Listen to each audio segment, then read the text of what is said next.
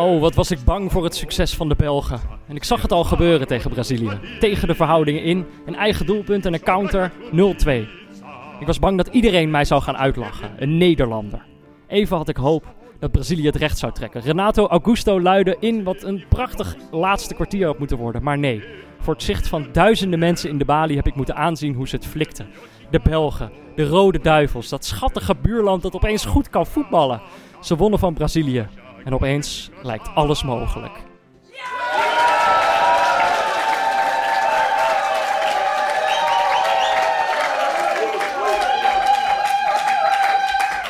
Uh, aan, het, uh, aan het luide gejoel te horen, uh, Jordi, leid ik af dat mensen blij zijn met deze overwinning. Ik denk vooral dat ze heel blij zijn dat ze een fantastische tweede helft hebben zitten kijken. Ah, oké, oké. Jij bent... Toch? ja, oké. Het was... Oké, we moeten inderdaad zeggen... de eerste twee potjes die we hier live in de Bali hebben gekeken waren... Marokko-Spanje, terwijl Marokko al was uitgeschakeld. Maar was oké. Was een leuk potje. En daarna hebben we België-Engeland gezien. En dat was een ploeg die allebei al gepla geplaatst waren... en gingen strijden om de tweede plek. Dat was... Niet oké. Dat was niet oké. Toen was de podcast dus wel gewoon leuk... maar de wedstrijd was rot. Het was wel de kortste podcast van deze zomer. Nu was deze wedstrijd top, dus nu wordt waarschijnlijk de podcast uh, uh, slecht. Maar uh, we gaan het zien. We zitten hier natuurlijk weer met Pieter Zwart. Pieter, fijn dat je er bent. Ja, leuk om er te zijn. Leuk dat je weer een keer hier bent en niet op die bank van de NOS. Ja. kan je misschien nog wel even... Hoe zat die bank daar? Ja, het is een heerlijke bank om op te zitten. Je kunt er een beetje lekker achterover op leunen. Je hebt van die kussentjes aan beide kanten. Dat je ook een soort van barrière hebt tussen de mensen die naast je zitten, zeg maar. Oh, ja, ja. In jouw geval niet, uh, hè? als er oorlog uitbreekt, heb je toch nog dat je denkt van die kussentjes, die heb ik nog. Dus wat dat betreft, uh, heerlijk. Maar jij zat, jij zat tussen uh, Cora van Nieuwenhuizen en, en Daniel de Ridder in. En hoe heb je dat beleefd? hoe voelde dat? hoe voelde dat? Nou ja, dat was, ik, ik heb me daar enorm vermaakt eigenlijk. Dus wat dat betreft, ja, helemaal prima. Oké, heb je je vanavond ook een beetje vermaakt? Ja, dat was. Uh, ik denk dat het een van de leukste wedstrijden is die we hebben gezien uh, dit WK. Dus wat dat betreft, uh, dat had veel slechter gekund. Ja, ja nou, het resultaat had beter gekund voor mij. En jij had van tevoren natuurlijk ook gezegd dat, dat Brazilië dit wel makkelijk zou gaan ja, winnen. Ik had geen rekening gehouden met Fernandinho, die in zijn eigen goal ging koppen. Volgens mij heeft Michels het ooit gezegd na een fameuze nederlaag van Nederlands elftal. Van ja, als ze in eigen doel gaan schieten, dan houdt alles op. Ja. dat is een beetje wat er met Brazilië gebeurde vandaag. Mm, ja. ja, en Jordi, jij, jij, bent er wel blij mee, toch? Met deze... Ja, natuurlijk. De, Belgen. Finale long. Nee, dit, dit, ik denk dat het wel... Aan de andere kant kan het ook wel een valkuil zijn, deze hele goede wedstrijd van de Belgen. Ja. Dat ze dan iets te, iets te hooghartig worden in, in de halve finale. Hey, we, gaan, we gaan het straks over die wedstrijd hebben. Eerst natuurlijk even het belangrijke. Uh, ja. uh, jouw verhuizing. Hoe staat het daarmee? Ja, ik zag die foto vanmorgen op Twitter. Toen begon ik me wel zorgen te maken over jouw ja, dag. Het, het, was tot nu toe dus uh, voornamelijk alleen maar berichtjes die ik inspreek. Er was niet echt fysieke arbeid uh, nee. vermoeid. Nee. En dat is vandaag veranderd. Ik had wel, het was wel echt een, een WK-dag. Uh, de heren kwamen binnen die mij gingen ondersteunen vandaag. Mm -hmm. Eentje kwam uit Bulgarije en twee uit Roemenië. Dus ik, ik zat meteen in het WK van 94. Ja. En dat, dat werkt dan ook gewoon. Want die ene man zegt, ik kom uit Roemenië. En ik zeg, Haji. En hij zegt, ja vriend, we gaan er vandaag knallen. dat is wat we gedaan hebben. Maar ik, eh, op die foto te zien hebben ze ook wel inderdaad behoorlijk staan knallen. Die hele woonkamer lag in puin bij jou. Ja, ja de, de volledige woonkamer was uh, met spullen gevuld van de tweede etage die gesloopt waren. Ja. Het is ongekend wat een troep mensen kunnen maken. Ja. En ik wilde het graag wat, uh, wat overzichtelijker op de tweede etage. Ja. Dus dat was uh, vier keer heen en weer naar de vuilstort. Oké, okay, lekker. Maar het, er is goed huis gehouden, dus er zit vooruitgang in. Ja, het, ik heb eigenlijk het enige punt vanavond is om wakker te blijven, want dat was wel zwaar. Uh, ik heb het in deze podcast al wel vaker gehad over de, de buurmanpool. Uh, dat was een pool waarin ik, uh, ja, moet ik toch zeggen, tot deze wedstrijd bovenaan stond. dat is inmiddels niet meer zo. Degene die die pool bijhoudt is mijn oom Paul. Hij is vanavond ook weer aanwezig. Paul, ik zou het wel fijn vinden als je weer even een update kunt geven van hoe het er precies voor staat. geef hem een applaus. Oom Paul!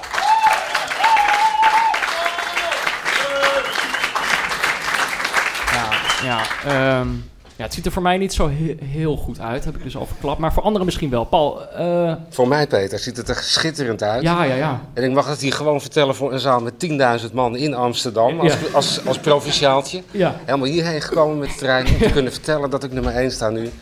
Peter, 123 punten. België gaat het doen. Ja. Ik ben jou voorbij. Uh, je deelt de tweede plek met Bastiaan en, uh, en Peter. Of daar ben je zelf natuurlijk met Bastiaan. We hebben Godfried als hele gevaarlijke outsider nog met, uh, met Engeland, eventueel. Ja. ja. voor de mensen die niet weten wie Godfried is, dat is een, dat is een aangetrouwde oom die heel veel van klassieke muziek houdt. Um, en die met twee teams meedoet, toch? Nee, nee, nee, dat is weer een andere oh, Weer een andere oom. Nee, nee, nee, Godfried heeft Engeland als wereldkampioen. Dus dat, ja, nou ja, dat kan allemaal nog. Maar, Klopt. En dan hebben we in de top 5 uh, als laatste jou, jouw vader uh, Erik. Ja. Die is nu echt afgehaakt. Brazilië-Duitsland als finale. Hij kan geen punten meer halen. Nee. En verder maken we ons uh, sowieso een beetje zorgen over hem. Peter, dat ga jij vertellen. Ja, mijn vader. ik zat net, na, net naast Paul tijdens de wedstrijd. En ik heb samen met, met Paul en mijn vader en nog een broer van hun hebben wij een WhatsApp-groep. En, en, die moesten we aanmaken van de rest van de familie. Omdat wij heel veel over voetbal praten. Dat moest dan in een aparte WhatsApp-groep van hun. en, ehm, maar vandaag mijn vader was deze wedstrijd niet aan het kijken. Hij was namelijk, hij is op vakantie, oké, met, uh, met mijn moeder. Maar hij was de hele tijd op het strand. Tijdens deze eerste helft was hij op het strand. Uh, nou, dan verdien je het wat mij betreft ook niet om het goed te doen in een pool. Uh, maar Paul vertelde toen tegen mij van dit heeft hij jou vroeger ook een keer geflikt. Nou, ik heb eerst even details over die foto's die wij kregen. Want ik heb er eentje aan Peter laten zien. Terwijl de, de ene na de geweldige aanval van België flitste over het beeld heen. En wij kregen foto's van zandkasteeltjes op een, op een strand. Met een dennenappel erbovenop. Ja. Hartstikke leuk. Dus, Heel kneuterig. Ja, het is maar hoe je je tijd wil besteden natuurlijk. Maar waar jij aan refereert, Peter, dat is inderdaad ooit gebeurd bij een WK. Ik weet niet meer precies welk. Ik zat te kijken met, met Erik. En met onze vader, die ook groot voetbalfan was. Ja. Duitsland, Nederland. Duitsland op een gegeven moment 2-0 voor. En jouw vader, die, eh, die verlaat gewoon de kamer. Die zegt, ik, ik heb iets te doen in de schuur. Hij liet mij alleen. En hij is ook niet meer teruggekomen. En uh, dat is toch een beetje in lijn met, met dit verhaal. Ja, dat is wat er vandaag ook gebeurd is. Uh, maar hij is definitief afgehaakt. Ja. Ik heb Frankrijk als finalist. Dat kan nog. Dat kan. Ik had Frankrijk-Brazilië als finale. Ja, dat, dat kan nu niet meer, maar ik heb nog kans om te winnen. Wat heb jij als finale? Ik heb als finale België-Argentinië met, met, met Argentinië als winnaar, dat gaat hem niet meer worden. Nou, Godfried had een eh, herhaling van 66, Engeland-Duitsland. Gaat ook niet meer? Dat gaat ook niet meer, maar Engeland, en, en Engeland als wereldkampioen. En dat kan natuurlijk wel. We hebben één oom die staat vanaf uh, uh, dag 1 stijf onderaan. Ja. Maar hij heeft België als wereldkampioen. Ja. ja, en dat is, weet je, in onze pool hebben we als regel, uh, als je de wereldkampioen goed hebt, dan krijg je 10.000 punten. Of wat is het ook? Ja, want wij willen de, de, reglementen eigenlijk op het laatste moment toch nog helemaal radicaal gaan omgooien. Ja. De winnaar van de, de, de, de, voorspeller van de juiste kampioen krijgt gewoon 10.000 punten. Ja. Waardoor Hans, oudste broer, Peter zijn oudste oom, alsnog uh, de pool kan winnen. En dat hoort hij nu.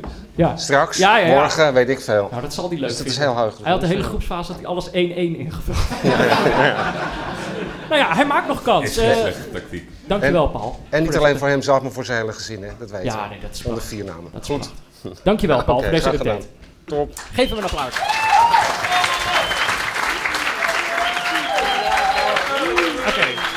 Oké, ehm, eh, we hebben nog één dingetje en dat is echt een ontzettend leuk nieuwtje. Ik wou net zeggen, dit is misschien wel het grootste nieuws. Dit is het grootste nieuws. Dus uh, ook weer even een updateje. Wij zijn eigenlijk vanaf het begin van het WK zijn wij aan het uh, routen voor onze favoriete commentator. Om ervoor te zorgen dat hij de finale gaat krijgen. Jeroen Elshoff. Vandaag gooit de NOS er een persberichtje uit. Ja, ik denk niet voor niets vandaag, zodat wij het konden melden. Ja, maar ja, het is... Uh, ja, ja, Het is, uh, ja, wat ik zeg, uh, ik ben heel blij dat ze gekozen hebben op basis van kwaliteit ja. en niet op naam. Nee, precies. Want, Jeroen Elshoff heeft de finale Heeft de finale gekregen, hij gaat de finale doen, ja. Ja, wij hadden, die, wij hadden de hashtag Elshoff niets in het... ja, die is niet meer nodig. Die is niet meer nodig, want het is gelukt. Nou, dat is mooi. Dan hebben we altijd een standaard rubriek, ja, we hebben een rubriek met rectificaties. Wij moeten altijd wat dingen rechtzetten die we de dag daarvoor hebben fout gedaan. In de loop van de podcast is dat uh, de meest omvangrijke rubriek uh, geworden. we doen al nog, nogal wat fout. Um, dit is, de, deze sluit een beetje aan op gisteren. Het is niet echt een rectificatie, maar ik, ik, ik heb een, wij hebben een vete gehad met Jeroen Gruter. Jeroen, jij, jij vooral. Wij, hadden, wij wilden dat Jeroen Gruter de nieuwe bijnaam van Sherdan Shakiri, een speler van Zwitserland, dat hij die uh, uh, zou gaan toepassen tijdens het commentaar van de wedstrijd van Zwitserland. de, de nieuwe bijnaam was de machtige kuifarend van Gielan. Dat heeft hij niet gezegd. Hij weigerde dat pertinent. en ik vond dat een beetje, ja, dat ik toch met een beetje dédain naar ons keek. Dat hij, dat hij het idee had van ik werk bij de NOS en ik hoef niet met mensen te praten. Terwijl ik dacht, je werkt bij de publieke omroep. Als je niet wil dat mensen tegen je praten, dan ga je maar in de bibliotheek werken zei ik tegen hem. Toen werd ik gecorrigeerd. Iemand stuurde op Twitter tegen mij: zo van ja, hallo, ik werk in de bibliotheek. uh, mensen praten de hele tijd tegen mij. Dus dat klopte niet helemaal. Dat was René, dus dat heb ik toen rechtgezet. Maar toen, gisteren in de podcast, vroeg jij meteen, uh, Jordi, jij vroeg, maar wat, wat, wat had je dan moeten zeggen? Ja. En dan had ik toen geen antwoord op paraat. Dat heb je nu geregeld. Goed, heb ik goed over na zitten denken. Ik denk dat uh, hij zou of kunnen zeggen dat hij freelance schrijver is geworden. Want als ik dat tegen mensen zeg, dan wordt er meteen niet meer tegen me gepraat.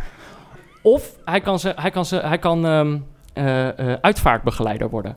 Dus dat je dan zeg maar binnen staat als mensen binnenkomen voor een begrafenis, dan staat er altijd iemand zo te knikken. Is een knikje, ja. En dan, uh, dan vaak als je dan ook zelf uh, nabestaande bent en je komt op die begrafenis, dan denk je, wie is, wie is dat eigenlijk? Uh, en, en, maar wat nog wel, kijk, en dat is dan wel gunstig, diegene gaat ook altijd nog iets zeggen voordat de begrafenis echt begint. En dan denk je altijd, wie is dit? Waarom mag hij allemaal dingen zeggen? En dat is eigenlijk wat de commentator ook is. dus...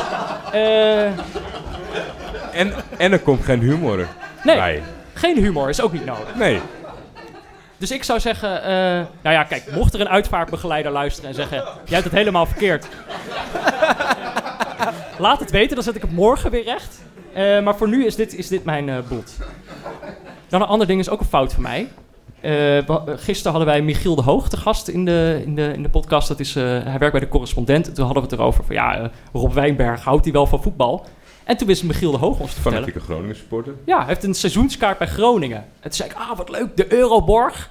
En toen kreeg ik uh, allemaal tweets die zeiden de Euroborg. Zo heet het al lang niet meer. Het heet het Noordlies Stadion. Toen kreeg ik daarna nog een bericht die zei, het Noordlies Stadion. Zo heet het al lang niet meer. En ik ben vergeten wat de nieuwe naam was. die, is volgens mij echt heel recent. Die is echt heel recent. Ja, ja dat, is echt, dat is nu. Dat is ongeveer deze maand bekend Het telt nog niet. Het seizoen is nog niet eens begonnen. Oké, precies. Uh, Oké, daar, daar red je me. Dankjewel. Doe ik. Ja, oh, al deze rectificaties zijn van mij, zie ik nu. Of ben jij ja, van... ik moet zeggen, ik was vandaag druk, dus ik heb helemaal niks gezien. Dus waarschijnlijk zijn er wel een paar, maar ja. nou, ik heb ze even links laten liggen. Dit is de laatste. Dit is, uh, um, uh, dat gaat over Kiks, dat is onze hoofdsponsor. Uh, en ik, ik zeg daar steeds over uh, dat mensen zich dan uh, kunnen aanmelden voor een training of toernooi bij hun in de buurt. Toen hadden mensen gereageerd van ja, het is alleen in Amsterdam en Utrecht. Ik woon in Nijmegen. Dat is niet in de buurt. En toen had ik me daar in de podcast van gisteren tegen verweerd. Dan zei ik ja, het zijn toevallig de twee grootste steden. Sorry hoor. Toen kreeg ik daar natuurlijk weer reacties op van mensen uit Rotterdam. Die zeiden ja, en wij dan? En toen mensen uit Den Haag die zeiden ja, en wij dan? Ja, maar het ging over voetbalsteden, toch? Ja, ik wilde me nou ook tegen verdedigen van dit is gewoon waar zo ongeveer de, de doelgroep van uh, Kik zich bevindt. Maar ja, om heel eerlijk te zijn, ik heb eigenlijk geen flauw idee of die wel daar uh, En, en uh, ja, weet je, ik, ik wilde eigenlijk ook niks meer voor, over zeggen voordat ik mensen op Urk weer tegen me in het harnas ga jagen. Dus ik hou, het, ik hou het hier gewoon bij. Dat zijn de rectificaties. Mocht je nou tijdens deze podcast die we hier nu aan het doen zijn denken... wacht eens even, dit klopt niet. Daarvoor hebben we tijdens live-uitzendingen uh, live de rectificatiemicrofoon in het leven geroepen. Dat zijn die microfoons daar, waar mijn oom Paul net stond. Dus mocht je nou het idee hebben van dit gaat even helemaal fout, ik wil dit rechtzetten, dan ga je daar staan en dan krijg je van ons uh, de beurt. En dan vragen we wie je bent en dan stel je jezelf voor en waar je vandaan komt. En dan, uh, dan mag je een rectificatie toepassen. Dat kan een verbetering zijn of een toevoeging. En als wij dat goed vinden, dat is natuurlijk het leuke. De rectificatiemicrofoon wordt zoals altijd gesponsord door Sebel. De beste notenbar van Amsterdam. Absoluut.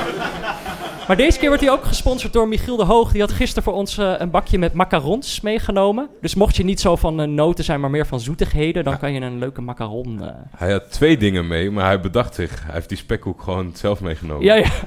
Die zei, die, die eet ik zelf op, zei hij. Nou ja. Heel vreemd cadeau. Oké. Okay. ja. Wat er... Oké, okay, nu wat we nu gaan doen, uh, voordat we naar de wedstrijden van vandaag gaan, want we hebben natuurlijk echt de wedstrijd gezien en daar, ja, daar, daar, moeten we toch ook wel echt over gaan hebben. Uh, voordat we dat gaan doen, gaan we dus eerst nog naar een woordje van onze hoofdsponsor Kiks, waar ik het net over had. Want als je dacht, ik wil ook wel eens, oh nee, dat ik, als je nou dacht, ik wil ook wel eens winnen van Brazilië, dat kan. Bij Kiks schrijf je namelijk makkelijk en snel in voor een training of toernooi bij jou in de buurt. Ik sta hier in Amsterdam-West. bij de voetbalvelden van VV Spartaan. Er zijn hier wat teams aan het warm draaien en ik sta naast Mark. Mark, jij bent een van de organisatoren van dit toernooi. Klopt dat? Ja, dat klopt. Ik ben uh, momenteel afstudeerstage aan het volgen bij Kiks. En ik organiseer onder andere dit toernooi inderdaad. Wat leuk. Een, een Kiks toernooi, wat is dat precies? Ja, naast de Kiks trainingen die we aanbieden, bieden we nu ook toernooi aan. Dus 6 tegen 6 voetbal. En er is altijd een relaxe sfeer. Mensen kunnen zichzelf wel inschrijven met een... Hier kan je maten bijvoorbeeld optrommelen en dan kun je lekker een potje gaan voetballen in de avond. Dat is ook lekker, toch? En ik zag jou net, je haalde uit je tas al wat prijsjes tevoorschijn. Ja, dat klopt. we doen niet aan een teamprijs eigenlijk. We doen eigenlijk aan allemaal individuele prijzen. Oh.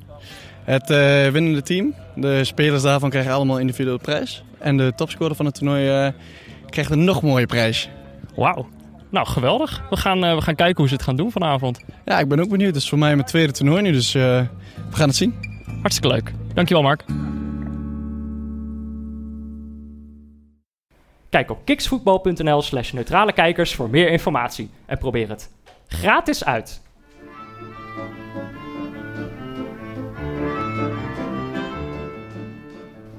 Dan kunnen we het over de speeldag van vandaag hebben.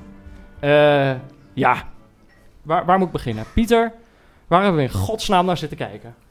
Ja, waar hebben we in godsnaam naar zitten kijken? Dat is inderdaad een uh, goede vraag. Uh, ik denk naar een wedstrijd waarin Brazilië de hele wedstrijd lang eigenlijk uh, een soort van het veldoverwicht had, de betere kans had. En tegelijkertijd een wedstrijd waarin België zich eigenlijk volledig heeft aangepast aan Brazilië. Een beetje achterover is gaan leunen, een ander systeem is gaan spelen. En ja, vervolgens op de counter eigenlijk heeft toegeslagen. Dus wat dat betreft ja, heeft misschien wel België Brazilië met eigen middelen verslagen. Ik ben vooral heel erg benieuwd als we deze wedstrijd hebben gezien hoe kan het dat zeg maar, in de voorbereiding en alle trainingen die Martinez ziet, dat je dan op dit toernooi besluit, we gaan het met Carrasco proberen ten opzichte van Chatley. Die speelde vandaag denk ik een fantastische wedstrijd, ijzersterk. Het ja, kan, wel een andere natuurlijk zo uitpakken, maar Carrasco is wel echt de aanvallende speler die uh, gedwongen wordt om, om ook te verdedigen. Terwijl Chatley dat veel beter beheerst. Ik denk dat het verdedigende spel dat uh, Chatley inderdaad uh, beter beheerst. Alleen heeft natuurlijk een seizoen gehad waarin hij bijna niet gespeeld heeft. Ja goed, Carrasco heeft in China gespeeld, dus je kunt je ook afvragen wat het verschil daartussen is. Ja, ja, ja, nee, maar uh, ja, ik denk dat hij op basis daarvan een beetje voor Carrasco heeft gekozen. Nou, die, die kende ook het systeem wat daar een beetje van hem verwacht werd. Uh, alleen heeft dit uh, toernooi natuurlijk totaal niet waargemaakt. En Chatley heeft zijn kans gegeven. En zoals hij vandaag speelde, ik bedoel, uh, België speelde aanvallend eigenlijk gewoon een soort van normale 3-4-3. Maar verdedigend speelden ze een soort van 4-3 met dan de Bruine vanuit Fernandinho, dus vanuit verdedigende middenvelder. Lukaku vanaf rechts en dan vanaf links Hazard. En dan Chatley niet als linksback, waar normaal gesproken Carrasco speelde, maar eigenlijk als een linker middenvelder, zoals ze drie centrale middenvelders daar uh, hadden staan. Uh, ja, en dat is dus een rol die had Carrasco nooit uh, kunnen uitvoeren. Maar omdat Chaplin natuurlijk ook vaak op het middenveld gespeeld heeft, ja, snapte hij wat hij daar moest doen. Totdat op een gegeven moment die Augusto er tegenover kwam te staan. En toen werd het allemaal een beetje ingewikkelder, ook voor Chatley. Hey, wat ik nou eigenlijk wel wil weten, ik, ik, ik had natuurlijk graag gezien dat die dat die Belgen dit hadden verloren. En jij hebt mij van tevoren heel erg gerust zitten stellen van... ach, dit, dit gaat Brazilië wel winnen. Nou ja, dat is dus niet gebeurd. Waar, waar is dit precies fout gegaan voor, voor Brazilië? Waar het fout is gegaan? Ja. Nou, dat begint natuurlijk eigenlijk bij die corner, waar we eigenlijk tot die tijd, uh, nou komen ze een paar keer door, beginnen ze een beetje kansen te krijgen. Ja, die corner tegen, nou die kopt iemand uh, in zijn eigen doel. Ja. Nou ja, uh, mijn analyse is, dat is niet handig. Ja, vind ik heel scherp. Ja, scherp. ja, nee, ja daar, daarop zetten ze je bij de NOS neer. Dan heb je gewoon dit soort ja. scherpe observaties. Ja, het, de tweede ding is eigenlijk gewoon een corner voor Brazilië zelf, waar ze hem uit tegen krijgen. Ja, dan moet je of afschermen dat je moet voorkomen dat België die counter kan plaatsen. Of je moet, zoals Jordi eerder al zei, op een gegeven moment dan zo'n kleine overtreding maken, waardoor je die counter niet tegenkrijgt. Maar eigenlijk los van die momenten, ja, er zijn een paar soort van counterkansen geweest voor België die dan slecht uitspeelden. Maar los daarvan hebben ze eigenlijk ja, praktisch niks ook gecreëerd. Dus... voor, de wedstrijd hebben we het erover dat de Brazilianen bijna alleen in problemen kunnen komen als ze op achterstand komen. Ja. En dat blijkt dan ook. Maar hoe goed ben je dan als Brazilië zijnde? Als, als je dat niet eens recht kan zetten. Ja, niet eens recht kan zetten. Ja, ik bedoel, uiteindelijk... Uh, ze hadden op zich wel een aantal kansen die er ook in hadden kunnen gaan. Met goals heb je niks aan op een WK. Nee, nee, dat weet ik. Maar ik bedoel... Alleen in de competitie, Pieter. Nee, maar, maar het spelbeeld is hetzelfde. En als een van die ballen er wel in gaat, dan zitten we hier een heel ander gesprek te voeren. Dan hebben we het over de geweldige veerkracht van Brazilië. En dat ze enorme winnaarsmentaliteit hebben. En dat de Zuid-Amerikanen zijn, et cetera, et cetera. Ben, dus ik, zit een heel ben, ander... ben ik het met je eens? En toch voelen wij van tevoren aan dat het er helemaal niet in zit. En dat, dat komt dan ook uit.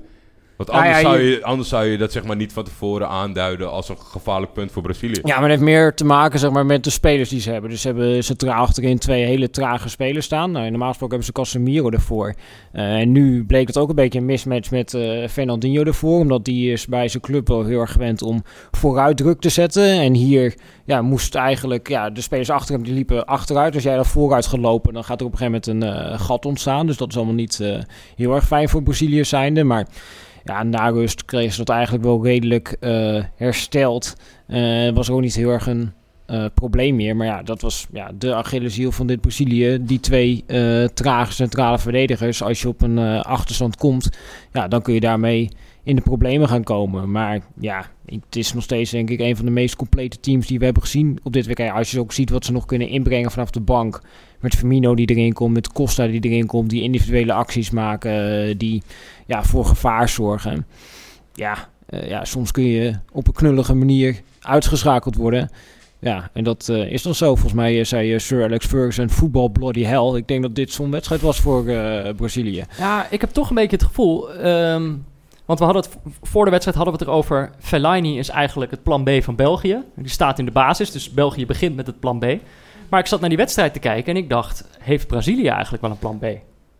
En niet een plan B in de zin van dat ze een fysiek sterker speler erin kunnen brengen. die dan daar chaos gaan maken in de straf. Nee, nee, nee. Ze hebben geen Fellaini. Maar ik zat een beetje te denken op het moment, ze stonden dus 2-0 achter. Dat moeten ze gaan rechtzetten. Je kan er de donder op zeggen dat, uh, dat België dan gewoon helemaal achterover gaat hangen. Vol gaat verdedigen met twee linies. Het leek wel, voor mij dan, hè, voor het, het leken oog, uh, leek het alsof Brazilië daar helemaal niet op had gerekend dat ze in deze situatie terecht zouden komen.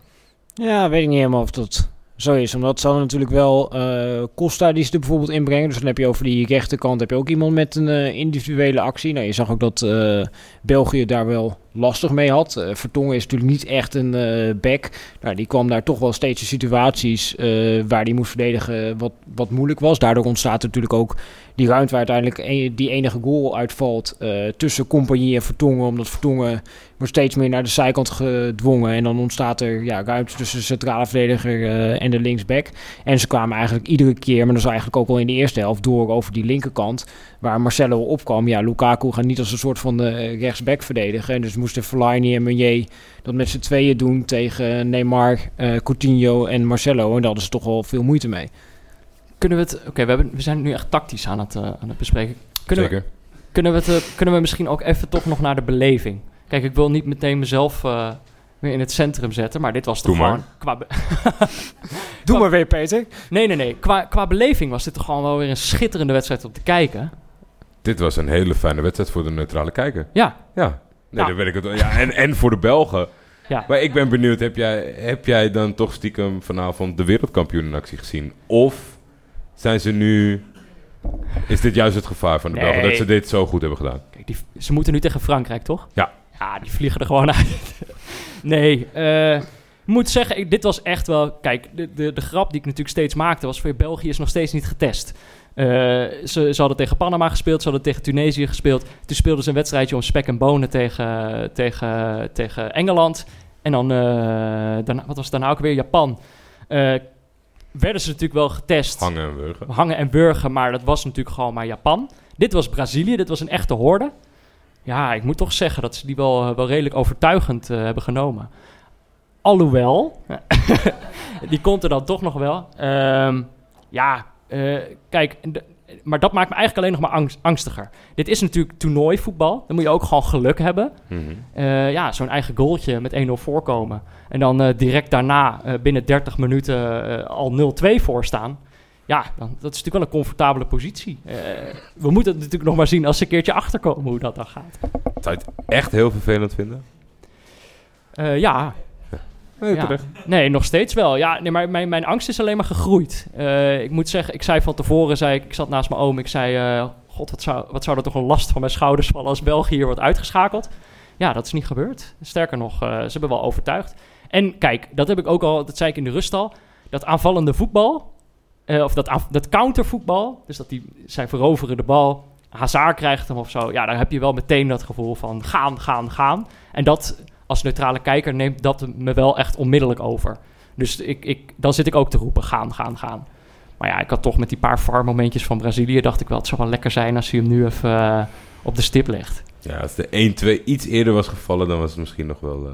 Ja, hij viel een kwartier voor tijd. Is voldoende, normaal gesproken. Ja, ik dacht, nou komt er nog een kwartier. Maar dat, dat uh, viel eigenlijk ook wel tegen. Ja, een kwartier kwam wel, maar dat doelpunt kwam ja, dat is toch die scherpe analyticus... dat dan allemaal weer uh, weet te onderscheiden. Maar jij zei, jij zei inderdaad van tevoren, zei je, we gaan op Fellaini letten. Of nee, niet op Fellaini letten, we gaan op uh, Fernandinho letten. Ja. Um, voor mijn gevoel uh, viel die een beetje door de mand. Ja, hij speelde in dit uh, systeem speelde hij eigenlijk ontzettend slecht. Hij kwam erin voor Casemiro. Nou ja, wat normaal gesproken de controlerende middenvelder is, wat meer een breker is. En hij is meer de voetballer normaal gesproken, maar ja, eigenlijk dat, dat voetballende vermogen. Ik heb hem een paar pases zien inleveren. Echt heel vreemd. Ik heb hem dat het hele seizoen uh, niet zien doen. Uh, waar ik het net over had, zeg maar, met uh, dat dan hij vooruit wil als de bal verliezen. En dat de spelers achter hem achteruit willen. Ja, dat werkt niet echt lekker. En hij had een paar keer had hij misschien een professionele overtreding moeten maken om een counter te stuiten. Wat hij dan ook niet doet. Ja, hij doet het op een gegeven moment, maar dat was wel redelijk laat. Ja, dat was wel een beetje, zeg maar van ja, ik kan het wel, maar uh, ik had het misschien eerder moeten doen. Ja, uh, ja hij uh, stelde wel teleur. Terwijl hij het hele seizoen echt waanzinnig goed gespeeld heeft. Was er een speler bij België waarvan je dan zegt, die heeft me juist verrast? Een speler bij België die me heeft verrast. ja, ja, ik, ik zit... ja, verrassen is misschien ook een beetje lastig woord. Wie vond je nou echt Ik moet wel zeggen, ik was onder de indruk van Meunier die had toch wel baat bij het feit dat hij de hele, waarschijnlijk een seizoen lang uh, Neymar heeft verdedigd. Dat kwam er vandaag goed uit. Ja, zeker in combinatie. In de, ja. in de problemen zou kunnen komen, maar het deed het fantastisch. Ja, helemaal in combinatie met al de wereld, die daar ook wel vaak uh, heel dichtbij zat om uh, rugdekking te geven. En ja, die hebben met z'n tweeën toch wel dat probleem grotendeels opgelost. En met natuurlijk de grote Fellaini die daar iedere keer in de buurt zat om te helpen. Ja, die is wel groot. Iemand heeft een keer aan mij gevraagd, zou jij, zou jij gewoon... Zou jij het aandurven om tien kopduels op rij met hem aan te gaan. daar heb ik toch Jij? daar heb ik vriendelijk voor bedankt.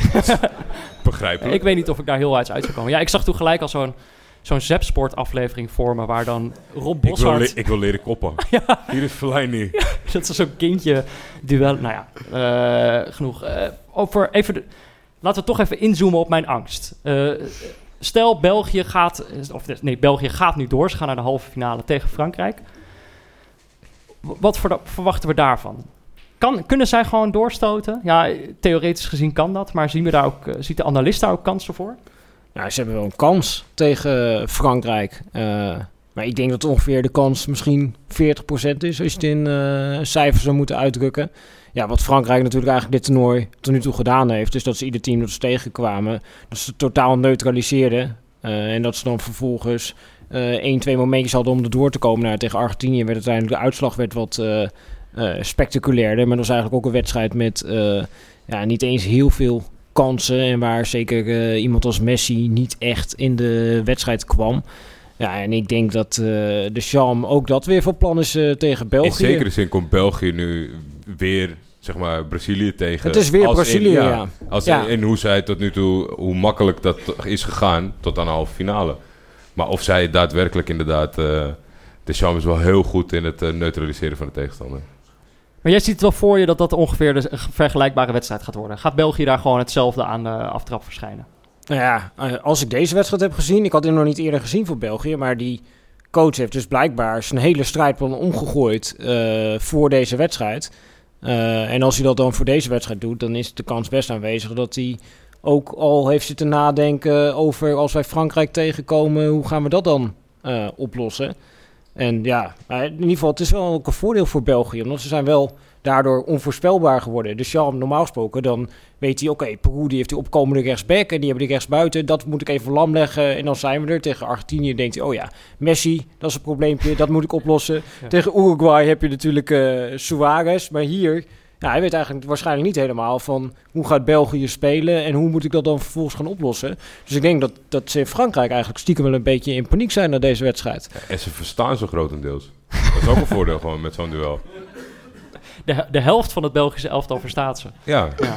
Uh, ja zullen we het nog heel kort over Frankrijk-Uruguay hebben? Of uh, wij hebben die wedstrijd vanmiddag samen zitten kijken. Een beetje een roemloos afscheid van Uruguay. Ja, en jij had het heel erg te doen met de keeper.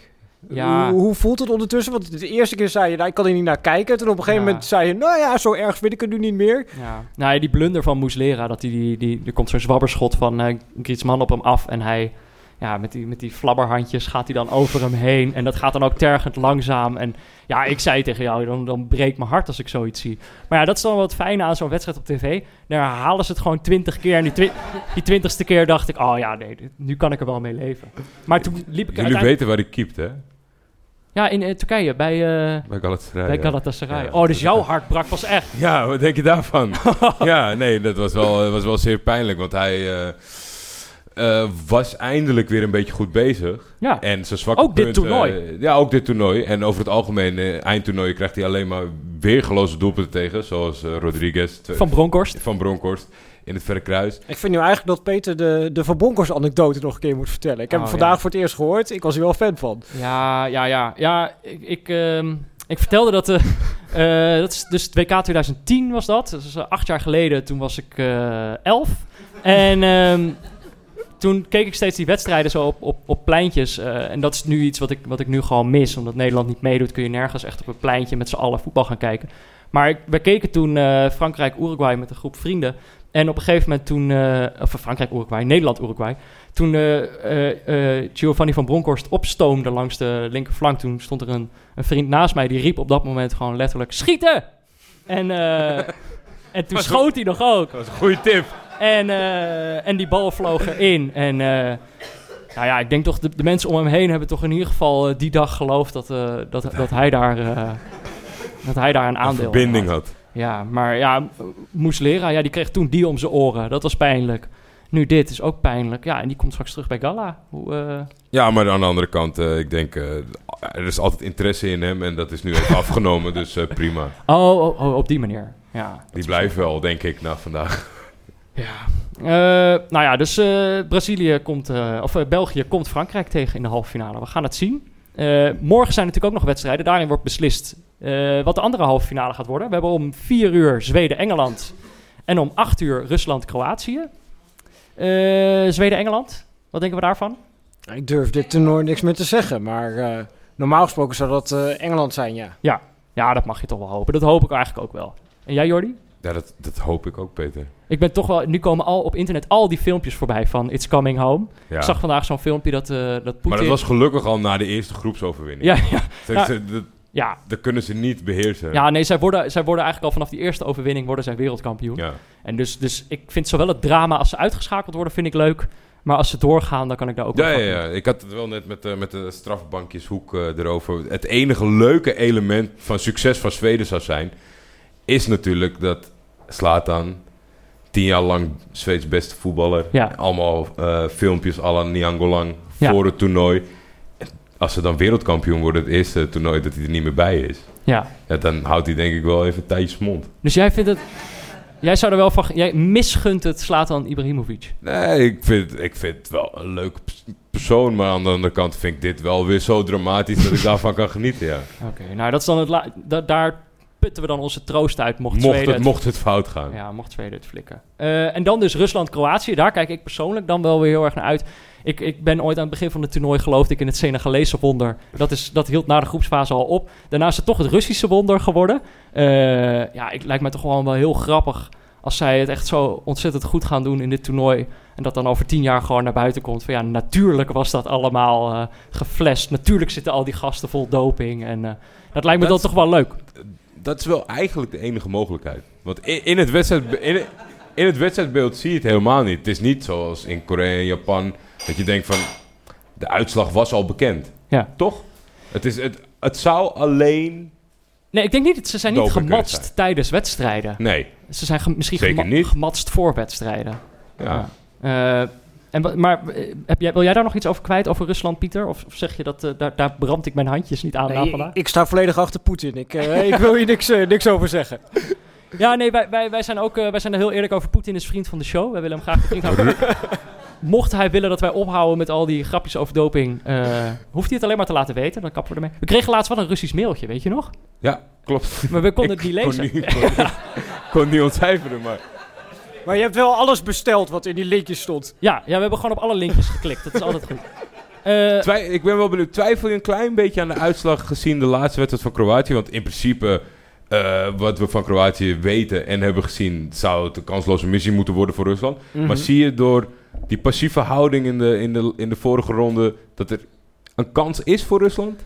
Ik denk wel dat er een kans is voor Rusland, ja. Omdat wat we van Kroatië tot nu toe gezien hebben... is dat ze eigenlijk op het best zijn. Wat je eigenlijk niet zou verwachten met uh, dit middenveld. Als ze een beetje vanuit de reactie kunnen spelen... en een beetje zich kunnen aanpassen aan wat de tegenstander uh, aan het doen is... en aan het proberen is. Uh, tegen IJsland waren ze natuurlijk ook niet zo goed met speels met een B-team. Nigeria, dat was ook maar zo-zo. Eigenlijk een enige echt goede wedstrijd. Dat was tegen Argentinië, wat gewoon open huis ja. speelde... En ja, die laatste wedstrijd tegen Denemarken, ja, dan hadden ze ook wel veel moeite om er door te komen. Moeite. Ja, en ja, dus zit denk ik ook wel een beetje in dit team dat ze toch ook wel ergens een behoudende gedachte erin hebben. Uh, ja, wat dat betreft, ik denk niet dat dat een hele open wedstrijd gaat worden tegen Rusland. Als je die hebt gezien tegen Spanje, dan hebben die ook niet de ambitie om er een uh, spektakelstuk van te maken. Oké, eh, dit is voor onze luisteraars. We gaan deze wedstrijd voorspellen. Dus mensen kunnen dan via Twitter voorspellingen naar ons insturen. We gaan hem eerst zelf even voorspellen. Ik geloof gewoon volledig in het Russische wonder. Ik zeg 2-0. 4-1. voor Rusland? Ja. Ah, top. En jij, Pieter? Ja, eigenlijk moet je hier er nog overheen qua, qua, qua Rusland scoren. Hè? Nee, maar dan uh, zou ik wel gewoon uh, voor de, uh, voor de solide 1-0 Kroatië overwinning gaan. Oké. Okay. luisteraars kunnen dus hun voorspellingen met variabelen naar keuze insturen via Twitter naar Jordi of mij. in ieder geval met de hashtag neutrale kijkers, want dan kunnen wij het makkelijk terugvinden. En als je wint, dan win je het boek van Pieter. de val van Oranje en hoe ze weer kunnen herreizen. Kunnen. Kunnen, ja. ik zei steeds zullen. Ja, maar ik ben blij dat jij na het lezen van het boek... dat je denkt van, nou, maar dit, dit kan niet meer fout. Ja, toch? ja. ja. ik, was, ik was heel optimistisch. Dan gaan we even nog, voordat we dit afsluiten... Ik hoop dat er genoeg shirts zijn. Want Hoeveel zijn, mensen hebben dit goed verstaan? Ja, echt heel veel mensen. Volgens mij is zeven of acht.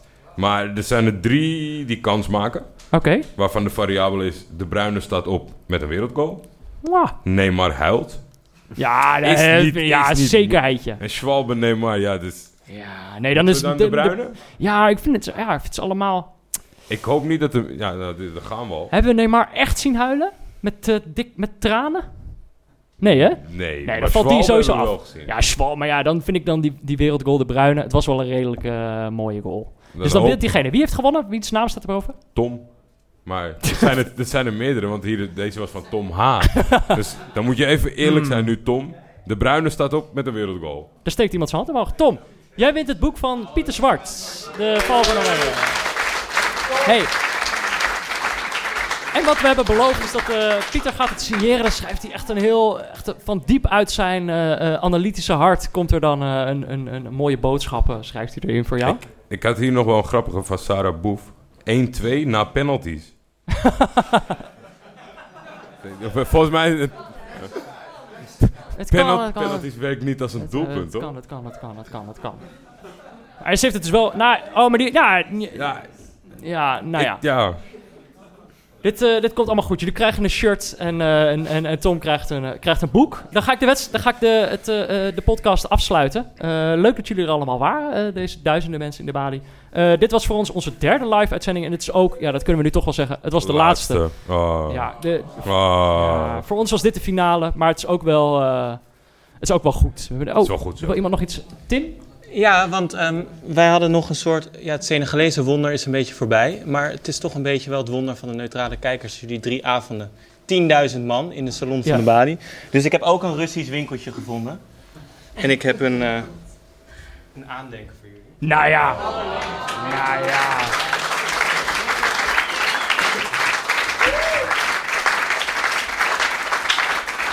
Geweldig. Wat leuk. Even, even voor de luisteraars. We hebben nu gewoon een, een tas met gewoon 10.000 euro erin gekregen. Het is toch... Had jij dat verwacht, Jordi? Nee, ik vind het super sympathiek van de baan. Ja, dat is leuk. Voor je, ver... voor je, voor je verhuizing uh, komt goed ik van Ik ga nu iets, iets bedenken tegen het gasdebat. Om daarmee te concurreren.